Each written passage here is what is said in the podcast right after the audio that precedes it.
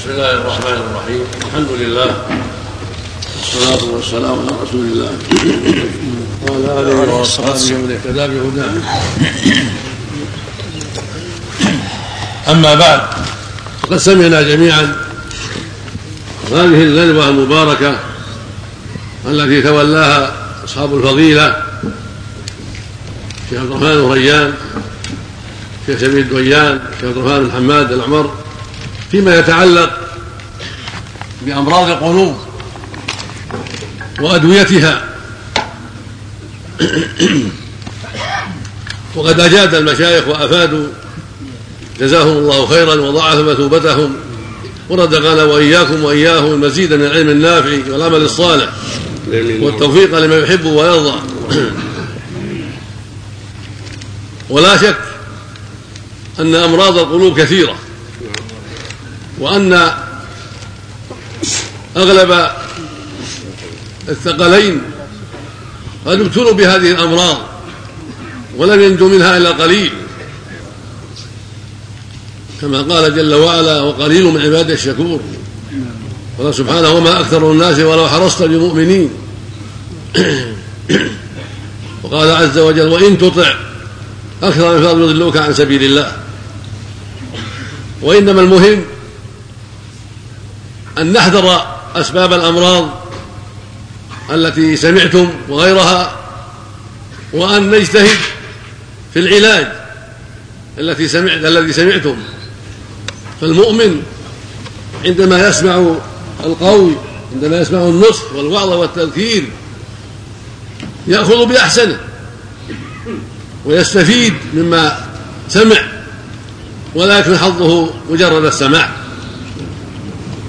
كما قال جل وعلا وبشر عبادي الذين يستمعون القول فيتبعون أحسنه. والذي يتبع أحسن القول ويأخذ بما فيه من الفائدة والخير هذا الموفق.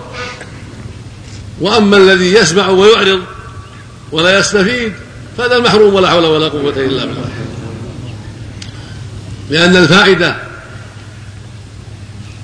من سماع المواعظ ومن تلاوة القرآن ومن سماع القرآن ومن سماع الأحاديث ومن حضور مجالس العلم الفائدة منها الاتعاظ والتذكر والعمل بما يسمع الإنسان وبما يقرأ وبما يشاهد ويسمع. فالتلاوة والاستماع وحضور مجالس العلم وسائل يراد منها أن تتعظ وتذكر. وأن تستفيد مما سمعت ومما, ومما قرأت ومما شاهدت. والله جل, جل وعلا في كتابه العظيم نوع المواعظ والذكرى. وأكثر أفرادها وهكذا في أحاديث نبيه عليه الصلاة والسلام نوع أصناف الأدوية وأنواع الذكرى والعظة. لعل العبد يتعظ لعله يتذكر لعله يستفيد. فأقام الحجة سبحانه وتعالى وقطع المعذرة.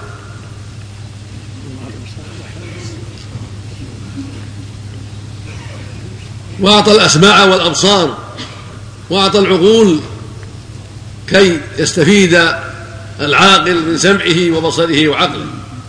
فالسمع يؤدي إليك ما يسمع والبصر تؤدي يؤدي إلى قلبك ما رأى وأنت بعقلك تميز بين الخير والشر تميز بين الضار والنافع وبما أعطاك الله من علم وهدى من كتاب الله وسنة الرسول عليه الصلاة والسلام. حتى تأخذ بالطيب والنافع وحتى تدع ما يضرك وما يفضي إلى مضرك.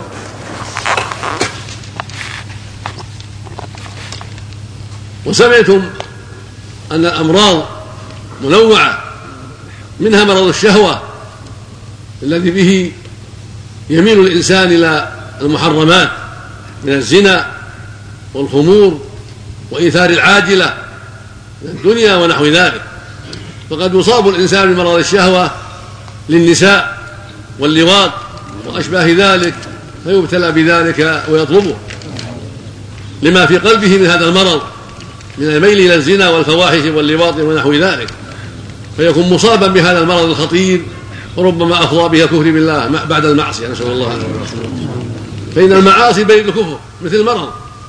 مثل ما أن الأمراض بريد الموت فالمعاصي بريد للكفر نعوذ بالله من ذلك. قد يتساهل بها الإنسان ويستمر فيها فيخرج بها إلى الكفر بالله نعوذ بالله. وقد تكون الشهوة شهوة الخمر والسكر. فيبتلى بها ولا يقلع منها نعوذ بالله. قد يصاب بمرض الحسد والكبر والترفع على الناس فلا يرى أن يقبل الحق ويرى أن قبوله غض عليه ونقص عليه. وهذا داء إبليس. فإن تكبر على آدم ولم يسجد له وقال أنا خير منه خلقتني من نار وخلقته من طين. فتكبر على أبينا آدم وحسد وتطاول فلعنه الله وغضب عليه. ويبعده عن الرحمة إلى يوم القيامة. وهذا مرض أيضا علماء اليهود وأحبار اليهود تكبروا عن عن اتباع محمد عليه الصلاة والسلام. وأصيبوا بمرض آخر وهو الحسد أيضا. فاجتمع لهم الحسد والكبر. فلم يقبلوا الحق إلا من شاء الله منهم وهم القليل. ويضاف إلى ذلك أيضا مرض حب الدنيا وإيثار العاجلة فيخشى أنه إن أسلم أو فعل هذه الطاعة أو ترك هذه المعصية أن يزال عن وظيفته أو يزول عنه هذا المال الذي يأكله. وهذه الأشياء التي تساق إليه من الدنيا. فيرضى بالباطل ويبقى على الباطل. وقد يكون ذلك أيضا مثل ما تقدم من من جهة الكبر. مرض الكبر فإن كفار قريش المعروفين بالرياسة والتقدم فيهم حملهم كبرهم وحسدهم الذي أصيب به داود حملهم على ترك اتباع النبي عليه الصلاة والسلام. كابي جهل وعتبة بن ربيعة وشيبة بن ربيعة والنضر بن حارث وعقبة بن أبي معيط وأشباههم. حملهم حسدهم وكبرهم على الكفر بالله. وعدم الانقياد لما جاء به محمد عليه الصلاة والسلام. كما قال عز وجل قال نعلم إنه لا يحزنك الذي يقولون فانه لا يكذبونك ولكن الظالمين بآيات الله يجحدون. يجحدونها بغيا وحسدا وكبرا لا عن جهل والعياذ بالله. وأنواع مرض الشهوات وأنواع الأمراض التي تمنع من من طاعة الله ورسوله وتمنع من الدخول في الإسلام متنوعة. نسأل الله العافية. كما أن مرض الشبهه أيضا كذلك ابتلي به المنافقون وقد يبتلى به غيرهم من أنواع الكفرة. تقوم عندهم شبهة فيجحدون الحق ويميلون إلى الباطل بسبب الشبهة التي قامت لهم.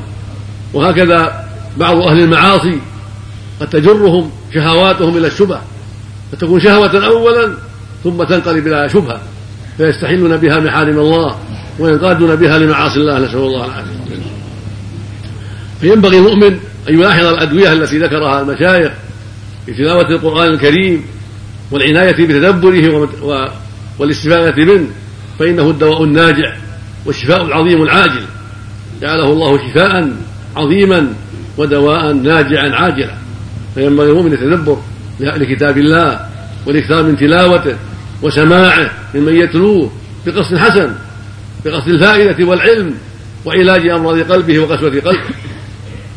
فالقرآن العظيم فيه هدى والنور. إن هذا القرآن يهدي للتي هي أقوم قل هو للذين آمنوا هدى وشفاء. فعليك يا عبد الله بالعناية بكتاب الله. تلاوة وتدبرا وتعقلا واستماعا للاستفادة لعلاج قلبك وأمراض قلبك وأمراض مجتمعك وأمراض شهواتك. لعلك تستفيد فترجع إلى الصواب والحق والهدى.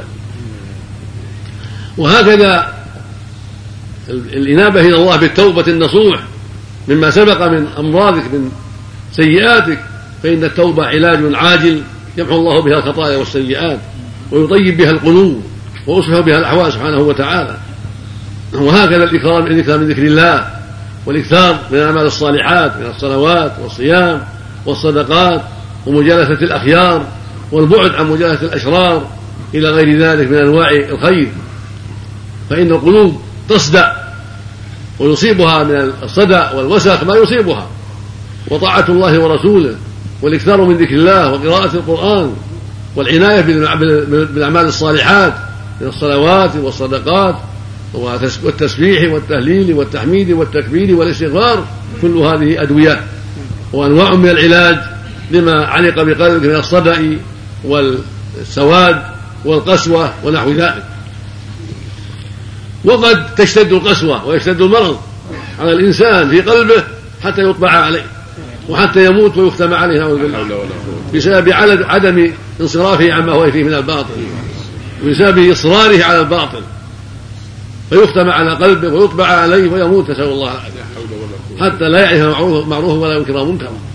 هذا هو الداء العظيم والداء العضال والشر المستقيم نسأل الله العافية. فعلى المؤمن وعلى المسلم أن يحذر ذلك كله. وأن يجتهد في الأدوية النافعة من كتاب ربه وسنة نبيه عليه الصلاة والسلام. وبكل ما يستطيع من أنواع الخير لعل الله جل وعلا يحيي قلبه ويرده إلى السلامة فالذي يحيي الأرض بعد موتها هو القادر سبحانه على يحيي قلبك ويرده إلى حاله الأولى من الاستقامة والطهارة والخضوع لله والشوق إليه والقيام بحقه سبحانه وتعالى. فلا تيأس. لا تيأس من ذلك. قال الله جل وعلا عن نبيه يعقوب ولا تيأسوا من روح الله. إنه لا من روح الله إلا قوم كافرون. وقال عز وجل لا تقنطوا من رحمة الله. إن الله يغفر الذنوب جميعا سبحانه وتعالى. فلا ينبغي العبد بل لا يجوز له أبدا أن يقنط ولا يأس بل لا يزال يطلب ربه التوفيق والهداية ويرجوه سبحانه ويأخذ بالأسباب الطيبة لأسباب الهداية من الأعمال الصالحات والتوبة النصوح. وحضور مجالس العلم وحلقات العلم فإن فيها الخير العظيم. وحضور أيضا الأخيار وصحبتهم مع دعاء الله والضراعة إليه في طلب التوفيق والهداية والمن بالتوبة الصادقة النصوح والعافية من مضلات الفتن ومن شرور النفس ومن سيئات الأعمال. رزق الله الجميع التوفيق والهداية وأعاذنا وإياكم من شرور أنفسنا وسيئات أعمالنا وجزا إخوان المشايخ عن ندوتهم وعن كلماتهم ونصيحتهم خيرا. وزادنا وإياكم وإياهم علما وهدى. ومن على الجميع بالتوفيق وحسن الختام. وصلى الله وسلم على نبينا محمد وعلى